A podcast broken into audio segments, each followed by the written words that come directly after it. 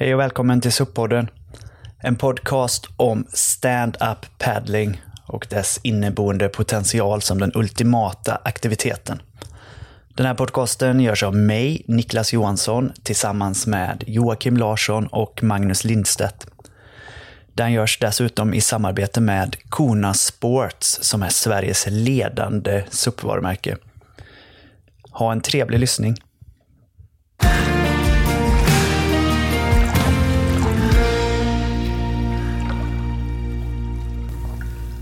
Då säger vi välkomna till ett avsnitt som heter Vikten av vatten. Eh, och som syftar till att få ut mer människor på vattnet. Eh, att släta ut hinderbanan om man säger så. Eh, eller vad säger du Magnus? Ja, jag håller helt med. Det är ju en av de delarna som, som fortfarande gör att SUP är ett hinder skulle jag säga. Det är vatten. Vatten. Eh, vatten är ju det elementet man rör sig i när man håller på med SUP. Eh, vad, om, det nu, om vi nu antar då att vattnet är ett hinder i sig för att börja med SUP. Varför är det det? Det är precis den frågan som vi behöver ställa oss. Eh, och det...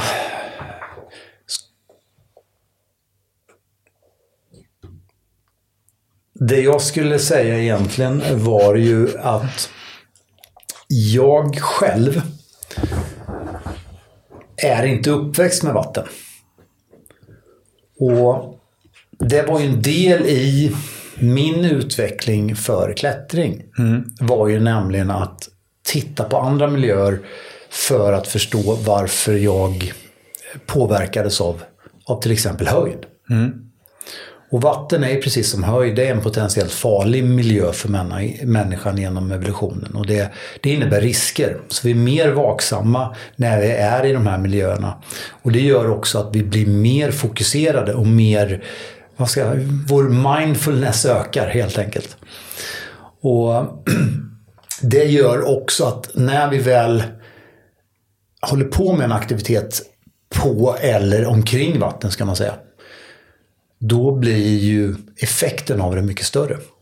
Eftersom vi aktiverar fler muskler eftersom det finns en risk mm. med det här i förhållande till land.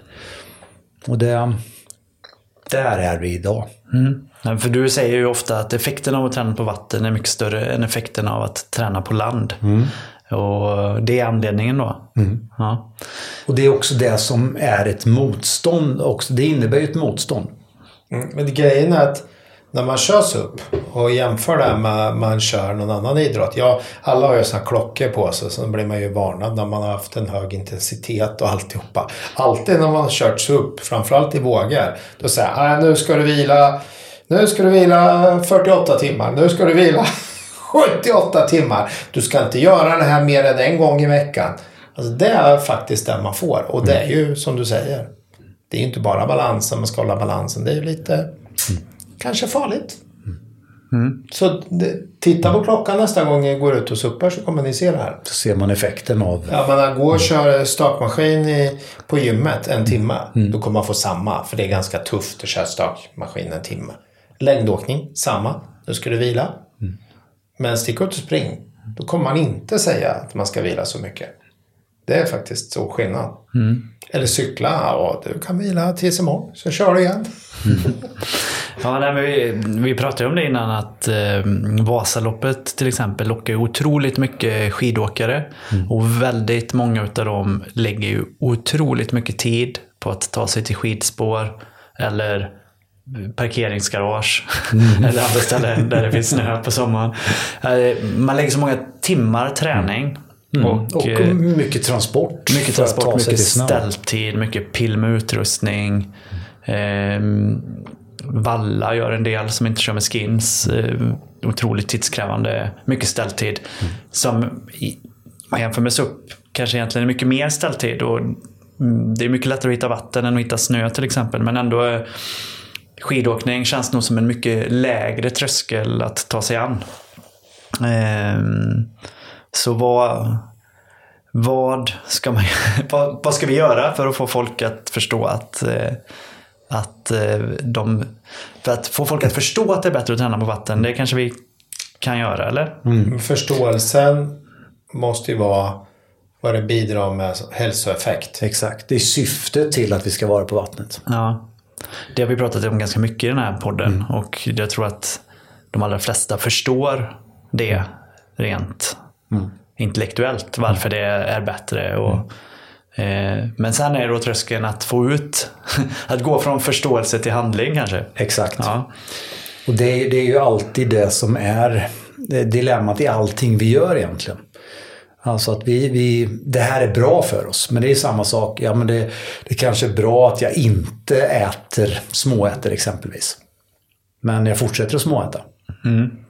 Så det blir lite av samma effekt här också. Ja, men jag skulle vilja flika in där att det är ju vi måste ju identifiera vilka hinder det är först och så får vi ta bort de hindren. Mm. Vissa människor tycker det är liksom otäckt att vara på vattnet. Ja, mm. men då får man skaffa sig en flytväst. Om man mm. tycker det är bra. Vi, och till råga på det, vi har ju faktiskt jobbat nu hela vintern. Vi kommer att släppa lite nya grejer till våren. Så det blir kul. Mm. Eh, men hindret kan vara flytväst. Vad är ett annat hinder? Det är ju kanske att det är mörkt i vattnet eller kallt. Kan man skaffa kläder? Vad är det mer för hinder, Magnus? Det kan ju vara allt ifrån att man inte ser botten eller ser man botten eller och så vidare och så vidare. Men det kanske Vatten, största hindret är huvudet. Mm. Och det, det, är ju det är precis det här det handlar om. Alltså att, vad är det i det här som gör att, att, vi, vi blir, att det känns obekvämt eller okomfortabelt? Och jag menar om vi tycker till exempel att eh, mörkt vatten är obehagligt. Är det mörka vattnet, är det det som är faran eller vad är det som... Och om vi då kommer över det här, lär oss hantera det här, får vi då en, en annan och bättre effekt eh, av träningen eller bara förståelsen eller att, att kunna hantera det här i vår övriga tillvaro? Alltså vad ger det oss mer än det vi, vi, vi ser? Just det. För jag tänker att i många idrotter finns det ju massor med hinder att ta sig över. Mm. Skidåkning pratar vi om till exempel. Det är ju ganska läskigt att åka ner för en backe till exempel. Mm. Första gången man gör det. Eller landsvägscykling är ju ett ganska stort hinder för många som inte Sitter har cyklat mycket. Fast i tramparna. Ja, framåtlutad position, det går fort på asfalt, tunna däck. Det är också många sådana rädslor som man kanske egentligen blir av med när man lär sig det. Mm. Eh, Vet du vad som händer då? Då blir man beroende.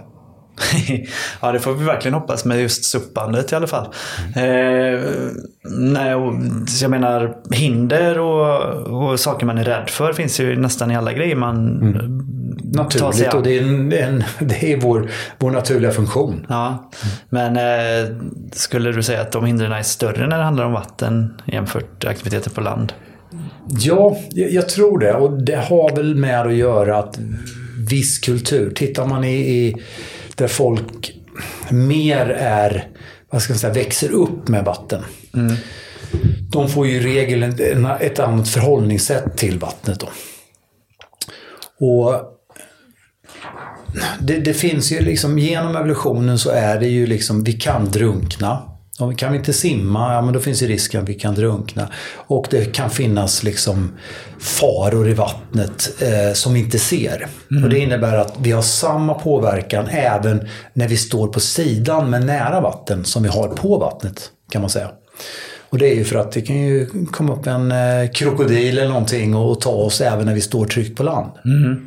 Och det är samma sak när det är hav. Det kan komma så kallade sleepersvågor. Står man för nära stranden på ett stort hav så kan det komma helt plötsligt en våg och bara spola upp och suga med oss ut i vattnet. Då. Ja. Det är extremfall och, och så vidare men det är fortfarande någonting som vi är omedvetna men medvetna om, om man säger. Just det. Så därför så, så, så vi, känner vi ett visst obehag. Då. Tror du att det är så att säga inprogrammerat i oss att vara orolig för sådana saker? Exakt. Och det är just den delen, alltså att funktionen hos människan är ju att den har ju inte ett system för alla olika situationer eller alla olika miljöer utan det är samma system som, som verkar i alla lägen. Det innebär att om vi lär oss hantera en ny miljö så kommer vi ha med oss den effekten in i andra miljöer. Och därav så, så Du kommer menar man också... att vi, om man hanterar SUP så kan man gå in och köra bowling? Ja, nu ser väl de flesta inte faran med, med bowling, men eh, om man skulle kunna tänka sig exempelvis då, eh, om vi tar SUP kopplat till eh, skidåkning då. Då skulle det nog vara mer samma upplevelse. skidåkningen är ju kallare. Den är kallare. Eller det beror på vad vi anser. Men man får ju köpa mycket mer eh, snygga kläder. Det kan man också göra. Och man kan köpa skidor och stavar. Massor med de som inte kör skins, de kan köpa valla. Just det. Sen får man åka väg och bo i, i liksom hus. Åka upp till fjällen. Så jag menar, eh, då är ju SUP liksom... Det är ju samma upplevelse. Det är ju på alla sätt och vis. Lite beroende på om man vill paddla i för vatten till exempel. Och jag menar, vi har ju olika, det är som alla surfdiscipliner till exempel. de- Det är ju också, är man van med att surfa i olika sammanhang så kommer man ju också att vara van med olika miljöer även där. Alltså olika förhållanden. Någon som är van att surfa i Sverige kommer ju kanske känna mer obehag när de ska surfa i, eh, eller på Hawaii exempelvis, eller Australien och så vidare. På grund av att det finns andra djur i vattnet eller större vågor och så vidare. Och så vidare. Just det. Så att allting är ju relativt i det här fallet. Men det som vi, vi egentligen skulle börja fundera på det är ju att vad är värdet i att faktiskt jobba med det här obehaget? Alltså vad vinner vi mer på än att bara paddla?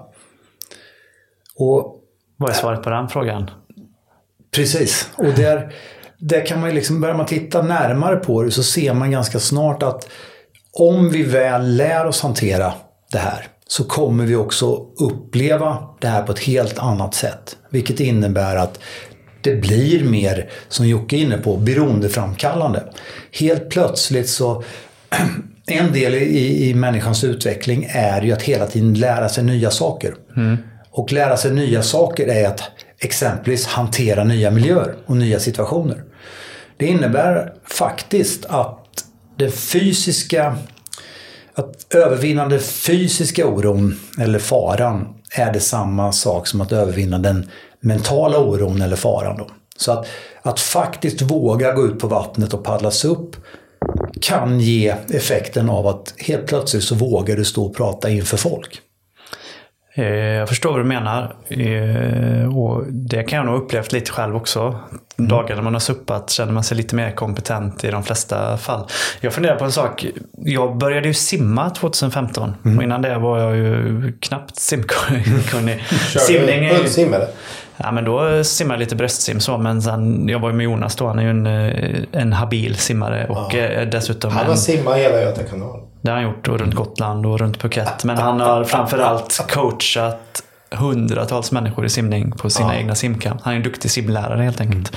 Som jag hade eh, och har väldigt bra tillgång till. Så att jag lärde mig att kråla ganska fort eh, under hans vingar. Då. Men jag funderar på om jag inte hade lärt mig att simma då innan jag började med SUP så hade ju SUP varit ett jättestort hinder för mig.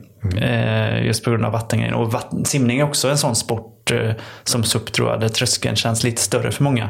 Och Jonas då som simmar Göta kanal runt Gotland, han, han älskar ju öppet vattensimning. Det är ju en helt annan sak än att simma i bassäng egentligen. Och det är ju två helt skilda saker för de Det är, flesta. helt, säga. det är, helt, det är dynamiskt. Ja, och de som, de som börjar med öppen vattensimning, de kan ju ofta simma. Men de har ju alla de här andra rädslorna. Det kan ligga ett lik i vattnet.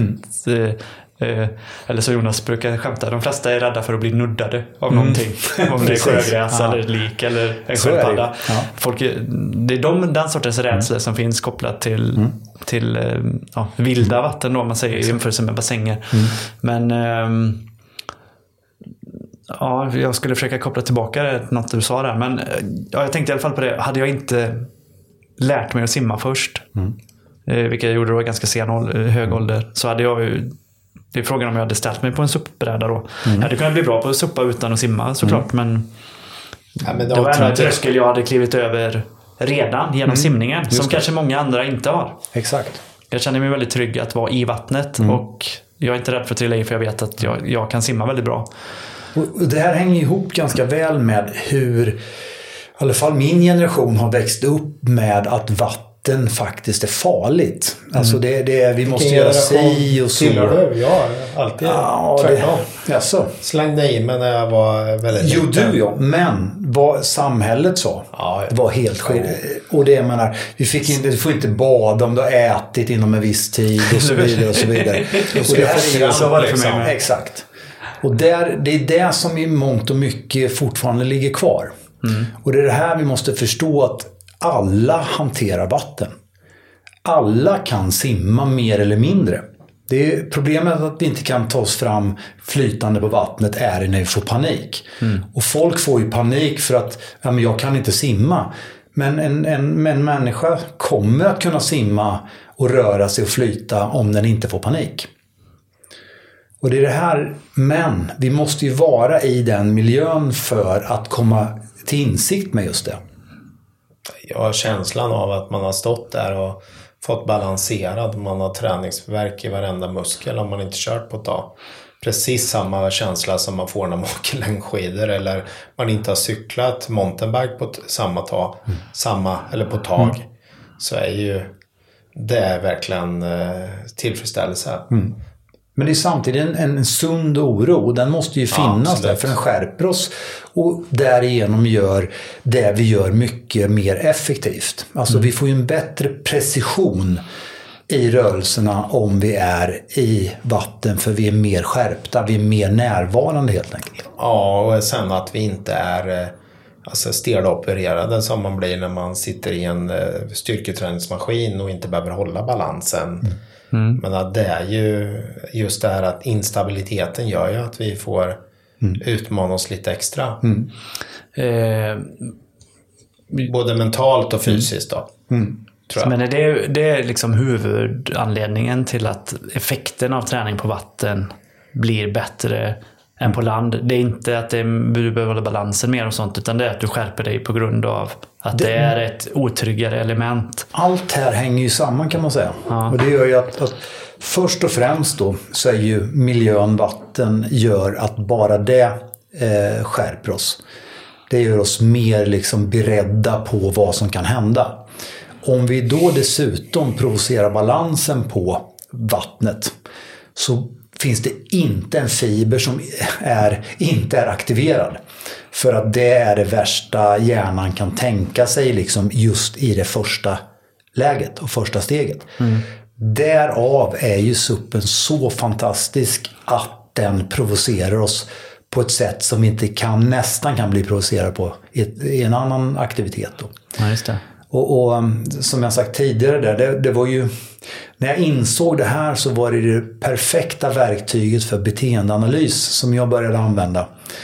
Eh, hade använt höjd tidigare för att provocera fram beteenden som vi inte kan dölja. Då. Och här var det ännu enklare och ännu tryggare att bara ställa ut en person på en SUP-bräda på vattnet. B- Bättre än att hissa upp dem i en kran eller... Ungefär så ja. Ehm, Ja, men det är mycket likheter med klättringen i övrigt. För jag tänker att det är också en miljö som de allra flesta eh, skärper sinnena på samma sätt. Och det, och det, det intressanta här, och det är precis det här som händer då. När man gör en, en analys på en människa som ställer sig på en SUP-bräda för första gången. Då ser man exakt vilka så kallade skyddsreflexer som aktiveras och så vidare. Och, och varför de aktiveras då. Och det är ju precis det här när vi då utsätts för det här. Och successivt börjar känna att vi får mer och mer kontroll över det. Det är där vi växer som människor. Det är där den personliga utvecklingen sker. Och det är där vi kommer också att kunna få en bättre effekt om vi skulle kliva av suppen och kliva över till en annan aktivitet på land. Så helt plötsligt med den skärpan vi har ifrån suppen i det här läget får oss att prestera mycket bättre på eh, eller i den andra aktiviteten. Just det. Eh, simningen pratar man ju ofta att det är en bra idrott för att den är viktbärande. Eh, min Samma sambo älskar ju att simma när hon är gravid. Men då är man ju i vattnet också så att vattnet lyfter ju kroppen på ett annat sätt. Eh, på suppen står man ju ändå uppe på suppen men har man samma effekt på något sätt där kring att det är mer eh, skonsamt mot kroppen jämfört med att träna på land till exempel. Exakt, du har ingen stötbelastning i suppen då. Utan jag menar, vattnet är ju den, eh, eh vad ska jag säga, eh, den formen att, att, att eh, det alltid är mjuk rörelse. Brädan i sig, du kan ju liksom, du hoppar, vattnet eh, viker ju undan hela tiden. Och det är nästan omöjligt att bli överbelastad eller få liksom... Ja, liksidig också. Exakt. Fram och bak, höger, vänster. Mm. Tänk alla paddel, paddel. Paddelspelare borde ju köra, om man har högerhänt borde man bara köra på vänster. eller om de skulle ut och göra det, då så skulle de ju bli vassare på paddel. För långsiktigt så kommer du ju bli skadad i paddel. Det är ju, det är ju garanterat. Mm. Spelar du bara paddel så blir du skadad till slut. Det, det finns ja. det, det är det som vi män, vi kommer att få prostatacancer förr eller senare om vi lever så länge. Mm. Så får vi det. Det är ju samma, man blir skadad till slut. Förmodligen. Men SUP är ju väldigt... Kan, jag kan ju ha sett av någon våra atleter som har liksom kört extremt mycket. Då, kan ha fått någon överbelastning i någon form av sena eller skulderblad. Men det är ju, det är ju ingen den, som skadar sig. Liksom. Nej, och det kommer ju på, för att om vi tittar närmare då, så vad effekten gör eller vad som händer med oss. Det är ju att i och med de här skyddsreflexerna, skyddsreflexer är eh, vad ska man säga, ett reflexstyrt beteende för att skydda kroppen i olika situationer. Det är ingenting som vi medvetet aktiverar utan det sker ju av situationen själv. Mm. Och det gör till exempel att eh, om vi eh, i en kamp eller flyktsituation till exempel, då spänner vi upp hela bäckenet för att skydda känsliga delar av kroppen. Och det blir, när vi ställer oss på en, på en suppbräda exempelvis, då, så provocerar vi balansen. Och det har ju det också som en skyddsreflex, att falla är en ökad fara för att vi är ett lättare offer om vi skulle vara jagade och så vidare. Det innebär att paddlar man och inte är medveten om vad som händer så kommer man spänna bäckenet under för lång tid. Och det innebär att då kommer du känna verk. Men det är ju verken av den här statiska anspänningen. Det är ju ingen ökad belastning på kroppen. Men om vi då inte slappnar av ordentligt, känner efter i kroppen vad, eh, var vi har anspänningen. Då kommer vi också få ett ineffektivt paddeltag. Mm. Så det här är inte så att med suppens hjälp så kommer vi hitta så många sätt som vi faktiskt kan utveckla vår prestation eller vår rörelseförmåga eller vår ledstabilitet och så vidare. För att den är så direkt. Men på ett ytterst skonsamt sätt i förhållande till om vi skulle försöka hitta samma sak i löpning eller om cykling och så vidare som blir mer specifik och mer belastande på vissa kroppsdelar. Mm. I SUP är det precis hela kroppen som, som belastas. Då. Just det. Ja, men eh, alla, de, alla de, hela den kunskapen om, om varför det är bra och att vara på vattnet och att mm. just stående paddling och mm. alla hälsoeffekter och att eh, man får med sig hela det här perspektivet mm. på kroppen och sånt. Det tror jag ändå att väldigt många förstår. Mm.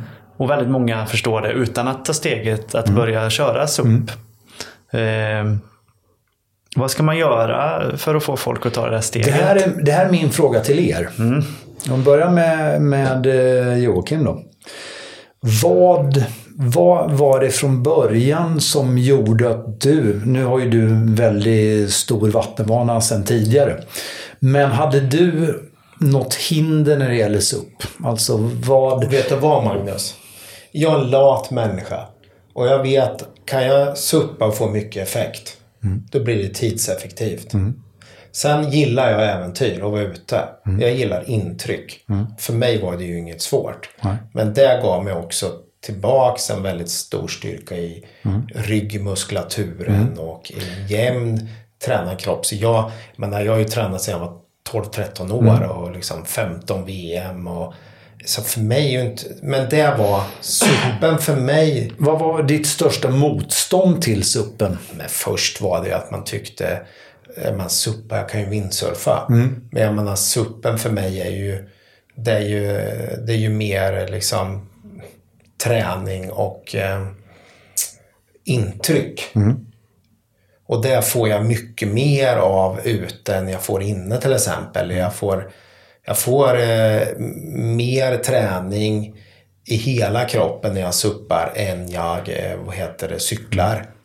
Eh, och jag behöver ha den för att jag ska vara stark i cyklingen. Så jag tycker generellt sett att väldigt många snör in i en idrott och faktiskt förlorar hela grejen när man blir äldre. Bara gå ner på gymmet, titta in i spinningsalarna. Det är jättebra att alla kan köra spinning. Men det, man fastnar ju ett mönster. Så fortsätter man med det där. Jag, senast jag var på gymmet, just nu är jag på gymmet faktiskt och kör lite. Med lite kompisar, lite socialt. Och då, då kom han upp till mig och så sa han så här. Kolla in där. Och det är ju folk som har spinnet i 10-15 år. Men de gör ingenting annat. Och jag lovar, om vi går in och sätter oss där, han och jag som har tränat mycket mer SUP och cyklar, så presterar vi. För att vi är, eh, vi är mer allsidigt tränade. Och jag gillar allsidighet, symmetri, jag gillar att vara ute. Det är det som gör att jag suppar. Och att jag kan göra det med mina kompisar. Det kan vara lågintensivt, det kan vara högintensivt. Det har många dimensioner för mig. Och sen gillar jag vatten. Jag har liksom varit i vatten sedan jag var väldigt liten. Så eh, jag har egentligen inga hinder för det. Skulle det vara ett hinder ibland, ja det är att man skulle eventuellt behöva dra på sig våtdräkten för att det går vågor ute. Men det är, ju, det är ju bara en skyddsreflex att man är lat. Så jag menar, latheten gör ju att man stannar i ett beteende som kanske inte är det bästa för individen. Eh, går man varenda dag, då fortsätter man att gå. Har man gått 10 000 steg ska man gå 20 000 steg. Och sen har man gått 20 000 steg ska man gå 30 000. Just det. Och det är inte så. Vad vinner man av de här stegen? Nej, det, jag har det är inte mycket det. av mer. Du vinner liksom ingenting på det. Så det är bara en beteendeförändring hos människor Mm. att faktiskt inse att det här är inte bra för mig. Eller det här är ju bättre för mig.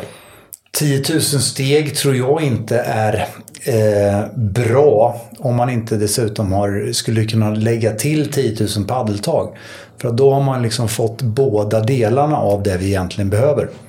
10 000 steg, det är liksom eh, vardagsmotion. Det är det man behöver ha för att man överhuvudtaget... Det, är- det är ju det människor glömmer. Vardagsmotion är ju någonting som man är nödvändigt. Träning kanske i... Det ska vara kul och allt jobba, men träning som han van den Poel säger, träning är ju, det är ju disciplin. Och det är ju så att disciplin gör ju att man kan göra grejer, andra grejer. Ja, men, s- jag, jag ser rent eh, liksom... eh, Jag ser rent träningsmässigt så är SUP väldigt effektivt. Det är effektivt för mig. Jag mår bra av det. Jag har inga hinder. Men jag kan tänka mig de som inte har SUP att, hindret är mer eh, att man fastnar i en aktivitet som man har gjort väldigt länge. Och så fortsätter man med det. Och det, är- det är det vi Det är det ser. största hindret. Ja, och det vi ser till exempel i prestationsutvecklingen är ju att det sämsta i de flesta fall det är ju mer av samma. Och det är det jag tror, och det har vi ju som sagt, energibesparingsreflexen styr ju att vi fastnar i våra rutiner. Men det, där, det där är ju väldigt gammalmodigt. Mer, alltså det, så tränar man ju förr. Mm. Mer av samma. Jag menar om du nu ska, om du paddlas upp. Du paddlar en frekvens. Du har en styrka. Du kommer att köra samma grej men du kan inte maxa. Då kommer du inte kunna bli stark. Så det är ju därför, jag menar, att suppa kan man ju faktiskt, vi jobbar ju väldigt mycket med, eller ju ni, alla, alla vi, vi jobbar ju med SUP som styrketräning ibland. Då isolerar vi paddeltagen eller övningar i olika steg. Ja, men då styrketränar vi. Idag så ska vi köra lågintensivt, köra lite längre. Idag så ska vi köra mer intervaller. Vi kör, eh, vi kör runt bojar. När man ska vända runt den där bojen så skjuter pulsen i höjden. Och ehm, det, det är ju ehm, att lära sig en aktivitet gör ju att man får ett större spann i, i träningen. Vilket ger det mer tillbaks. Sen behöver man ju inte bara suppa. Jag tror att SUP är ett väldigt bra komplement till alla. Och sen är det förbaskat kul när man väl har kommit igång. Men det är ju en... Man måste ju, vin, man måste ju gå över den här liksom stegen. Sen eh, blir det ju inte, finns det ju inga hinder längre. Nej. Så största hindret det är att folk inte förstår att det största hindret är de själva, att man bara gör en sak. Och det hälsomässigt, kropps, kroppsligt kommer inte vara bra. Precis. Vad säger du Niklas? Vad, vad var största hindret för dig? Nej, men jag tror... Eh, Eller är? eller är jag? Nej, eh, jag tror så här. Jag måste ju se till mig själv. Om vi börjar där när du och jag suppade första gången, 2015. Det var precis när jag också började simma. Och sen dess, de kommande fem åren, så har jag ju lärt mig åka skidor. Jag har börjat cykla mycket mer landsvägscykel. Alltså jag har börjat träna generellt sett 3000 procent mer än vad jag gjorde tidigare. Så för mig blev det en del i hela den utvecklingen. Eh, och eh, precis som simningen och de andra idrotterna så hade, eh, när jag haft tillgång till Jonas har jag ju haft tillgång till dig. Så det har också varit någonting som har sänkt eh, tröskeln för mig. Eh, Men jag tror, hade jag inte gjort de grejerna så hade ju hindren varit jättemånga och jättestora. Eh, Bara att ta sig ut på vatten. En bräda. Det, det är ett ekonomiskt hinder. eh, Exakt, ja. För många. Speciellt en sån bräda jag har nu. Det, det hade jag ju heller aldrig köpt om, om jag inte hade varit i kontakt med er. Liksom. Då hade jag ju börjat med en uppblåsbar bräda. Nu har jag en hård bräda från början. För att det var det jag började suppa på och sånt. Så att Trösklarna har ju varit låga för mig på grund av det. Men jag tror jag har haft väldigt mycket höga trösklar annars.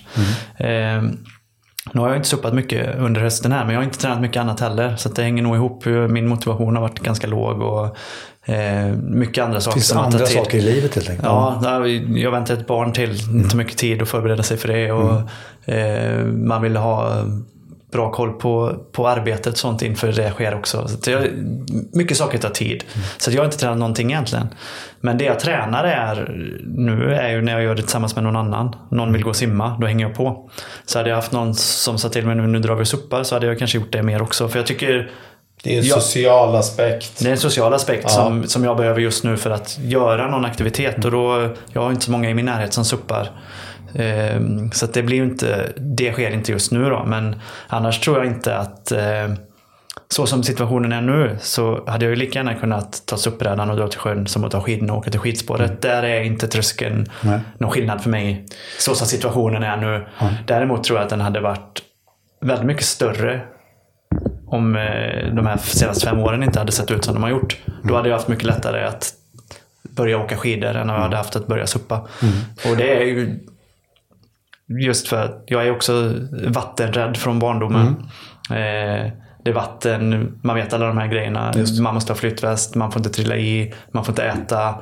Vatten är livsfarligt. Du fryser ihjäl på tre och en halv sekund om du trillar i och vattnet är under fyra plus. Visst. Allt sånt som man är uppvuxen med. Det är ju också inbyggt. Eh, ställtid, jag ska lägga den på taket, åka dit. Det, det, det.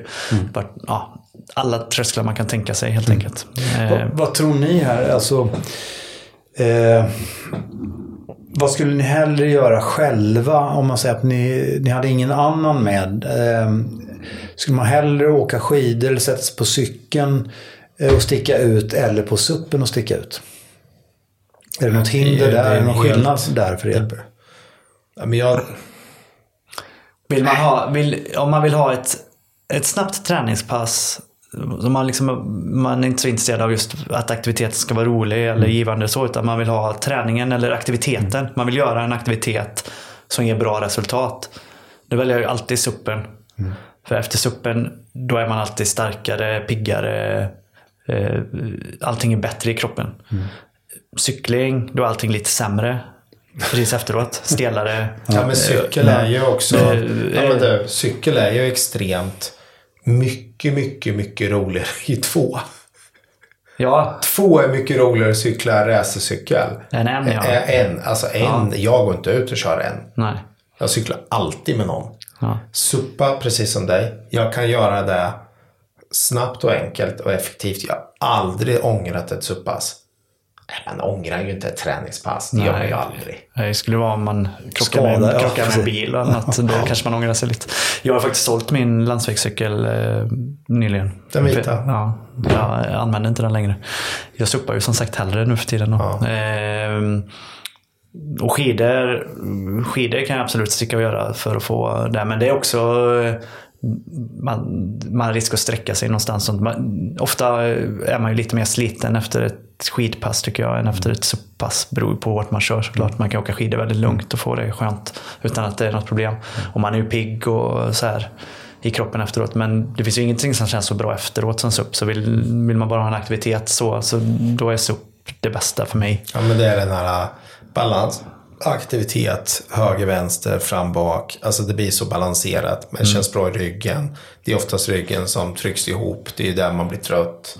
Samtidigt ska jag väl säga att tröskeln för att ge sig ut är mycket lägre på cykel eller löpning. Men det är för att jag bor som jag bor. Jag behöver inte ta mig någonstans.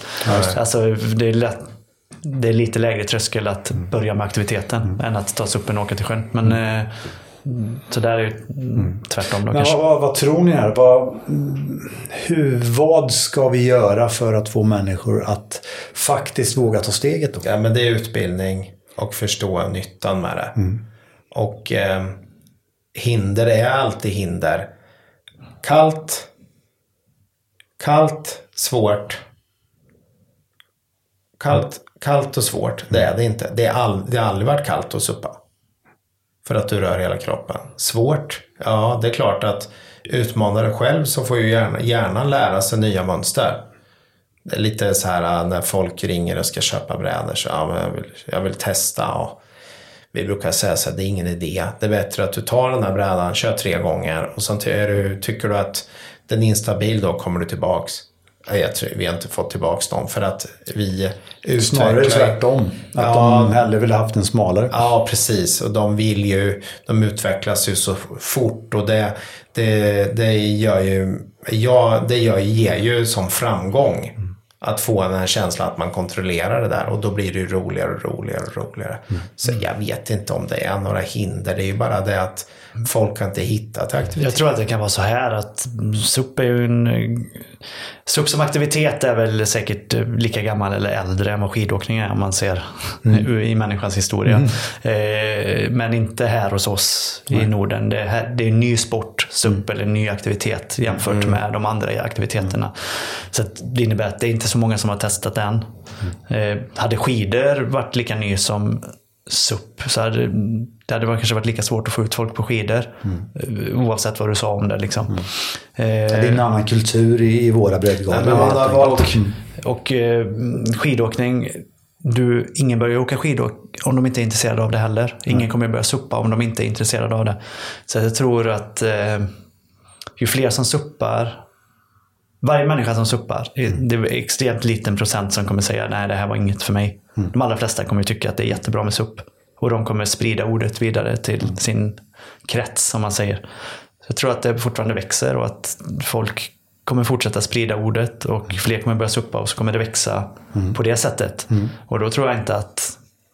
Det, det här är ganska intressant. Att jag har tagit jämförelse med klättring då. Ja, Från början då eh, när det prova på-klättringar exempelvis, människor som aldrig hade provat på klättring.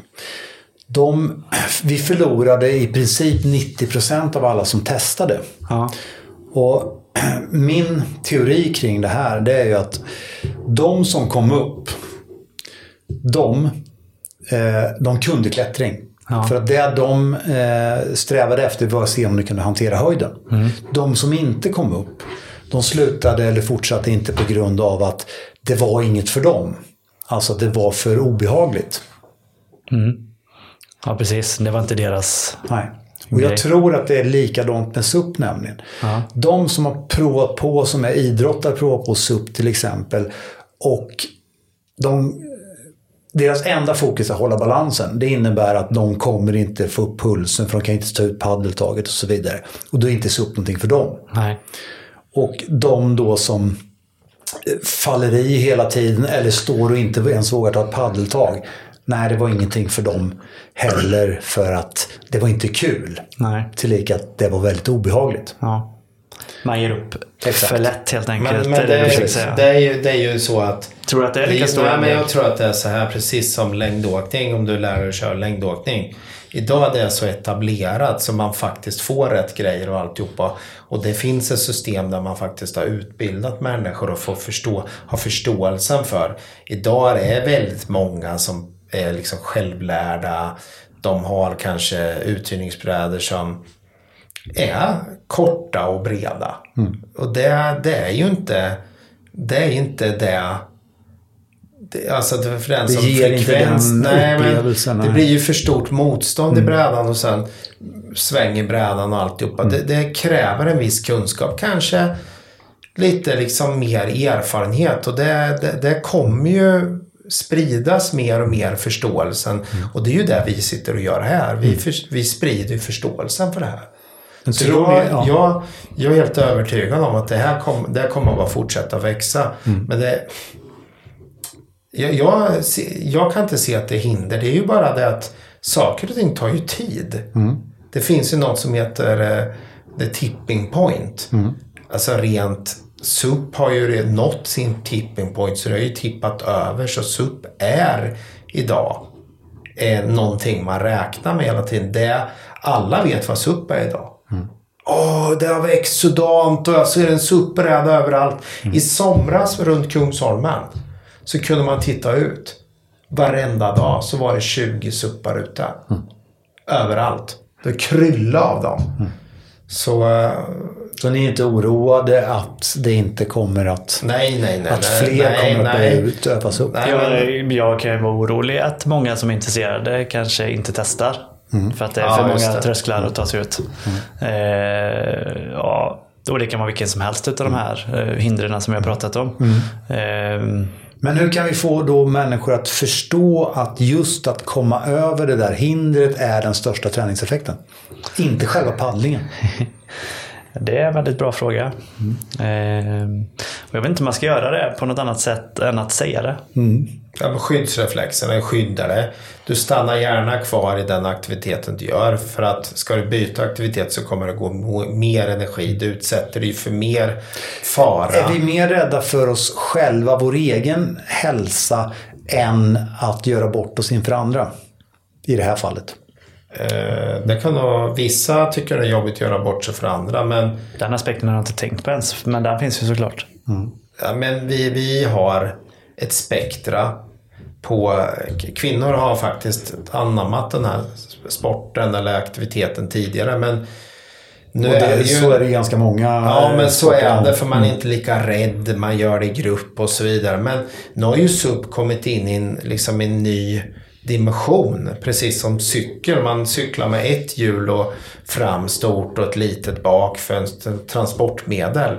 Ja, cykel är ju fortfarande ett eh, transportmedel. Men nu är det ju liksom ett Träningsverktyg. träningsverktyg, det är en upplevelse. Det, ja, men det är ju så med SUP också. Det, den håller ju på att utvecklas i olika grenar.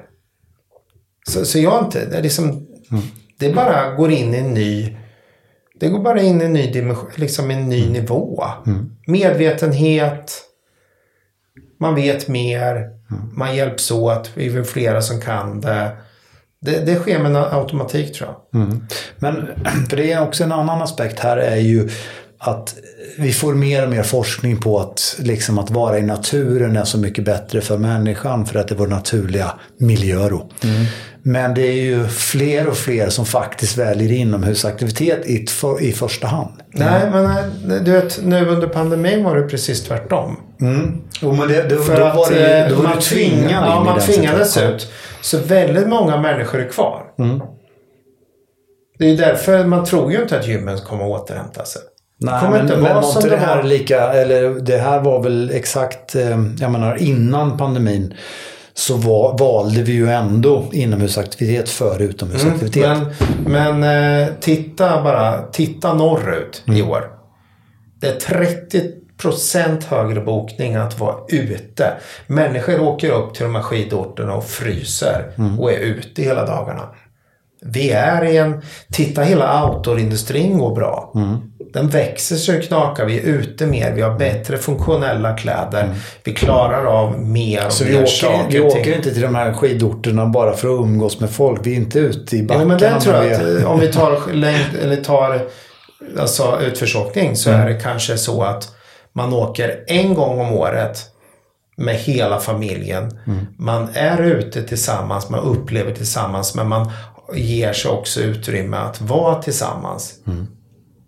Det, är, det är därför jag har fortsatt. Jag är uppväxt med skidåkning sen jag var liksom 8 eller så 10-12 år.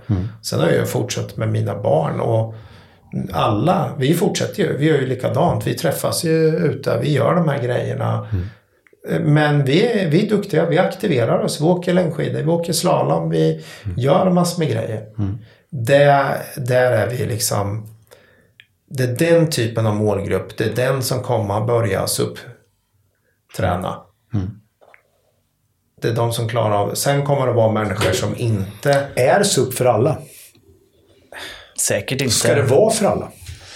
Inget är ju för alla. Så det är väl eh, mycket begärt tror jag att säga att SUP skulle vara för Ja, alla. men alltså ta löpning. Är löpning för alla? Ja, Det är en naturlig... Men är löpning för alla? Alla som träningsform eller som... Ja, men om ni tänker oss vad som har hänt i världen. Så tar har vi joggingtrenden på... Ja, men om man läst den här boken hur jogging startade. Det var ju liksom Nike där som var inne rätt.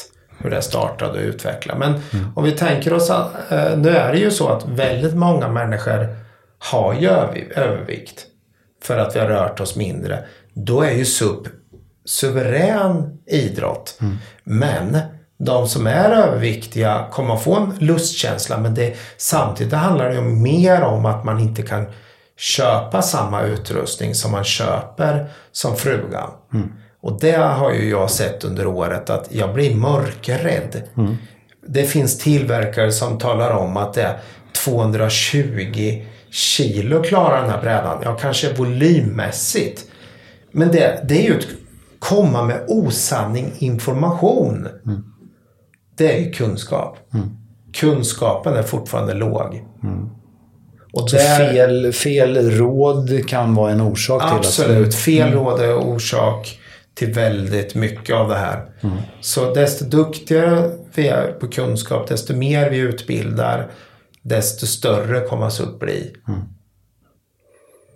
Det är min slutkläm. Och det, precis som du var inne på, det, det vi kan se till exempel är ju det här med, med kraftig övervikt. Så är det ju minimalt belastande att paddlas upp. Det är mindre, vad ska man säga, eh, slitsamt än att gå till exempel. Men cykel är sånt. Cykel är skonsamt om man har övervikt. Det är därför cykel är populärt. SUP borde vara precis lika populärt. Men faktum är att den aktiviteten är betydligt skonsammare och bättre för hela kroppen. Det borde man faktiskt ta med Du sig. får en större förbränning via Men, SUP men det, du vi vet ju inte det än. Men människan är fortfarande lat. Den kommer att göra grejer som ger mer effekt. Så, Det- så det, det är liksom det är naturligt. Man gör grejer som ger mer effekt. När man vet att det ger mer effekt. Så kommer det vara ett val man kan göra. Jag tror att eh, vi har väldigt många trösklar här som vi funderar på hur vi ska få folk att ta sig över. Att ta steget från att eh, förstå den här kunskapen och ut på vattnet. Ehm, det är nog där eh, vi har många obesvarade frågor. Men det tycker jag är kul. För att eh, många av de här sakerna kommer vi kunna lyfta under året när de har mognat hos oss. Eller om någon lyssnare kanske har någon input som de vill skicka. Alla de här sakerna är jätteintressanta. Det kanske finns folk som har eh, fantastiska historier om hur de tog sig över de här hindren. Det, det vet vi att eh, det finns. Men skicka gärna in, in till oss eh, de här vad ni tror. Och eh, antingen så skickar de via våran... Eh, har, har vi någon e-mail? Eh, Det finns ett eh, formulär man kan fylla i på suppodden.se. Ja. Gör det och sen skicka in det här till oss. Och skicka gärna in frågor framöver som vi ska besvara. Eh, men... Eh, Och delge gärna era erfarenheter. Eh, härligt, men då tror jag att vi, vi lämnar de frågorna obesvarade eftersom vi inte kan besvara dem helt enkelt. Men eh, vi kan i alla fall enas om att vikten av vatten är ganska stor och att det är väldigt positivt och att eh, de allra flesta som tar sig ut på SUP-rädan inte ångrar sig. Tror ni då som avslutning att SUP kan bli den folksport som det skulle kunna bli? ja. Ja. Vad tror du själv? Ja. Härligt. Då ska vi jobba vidare med det under hela året på alla sätt vi kan. Tusen tack för idag. tack. tack.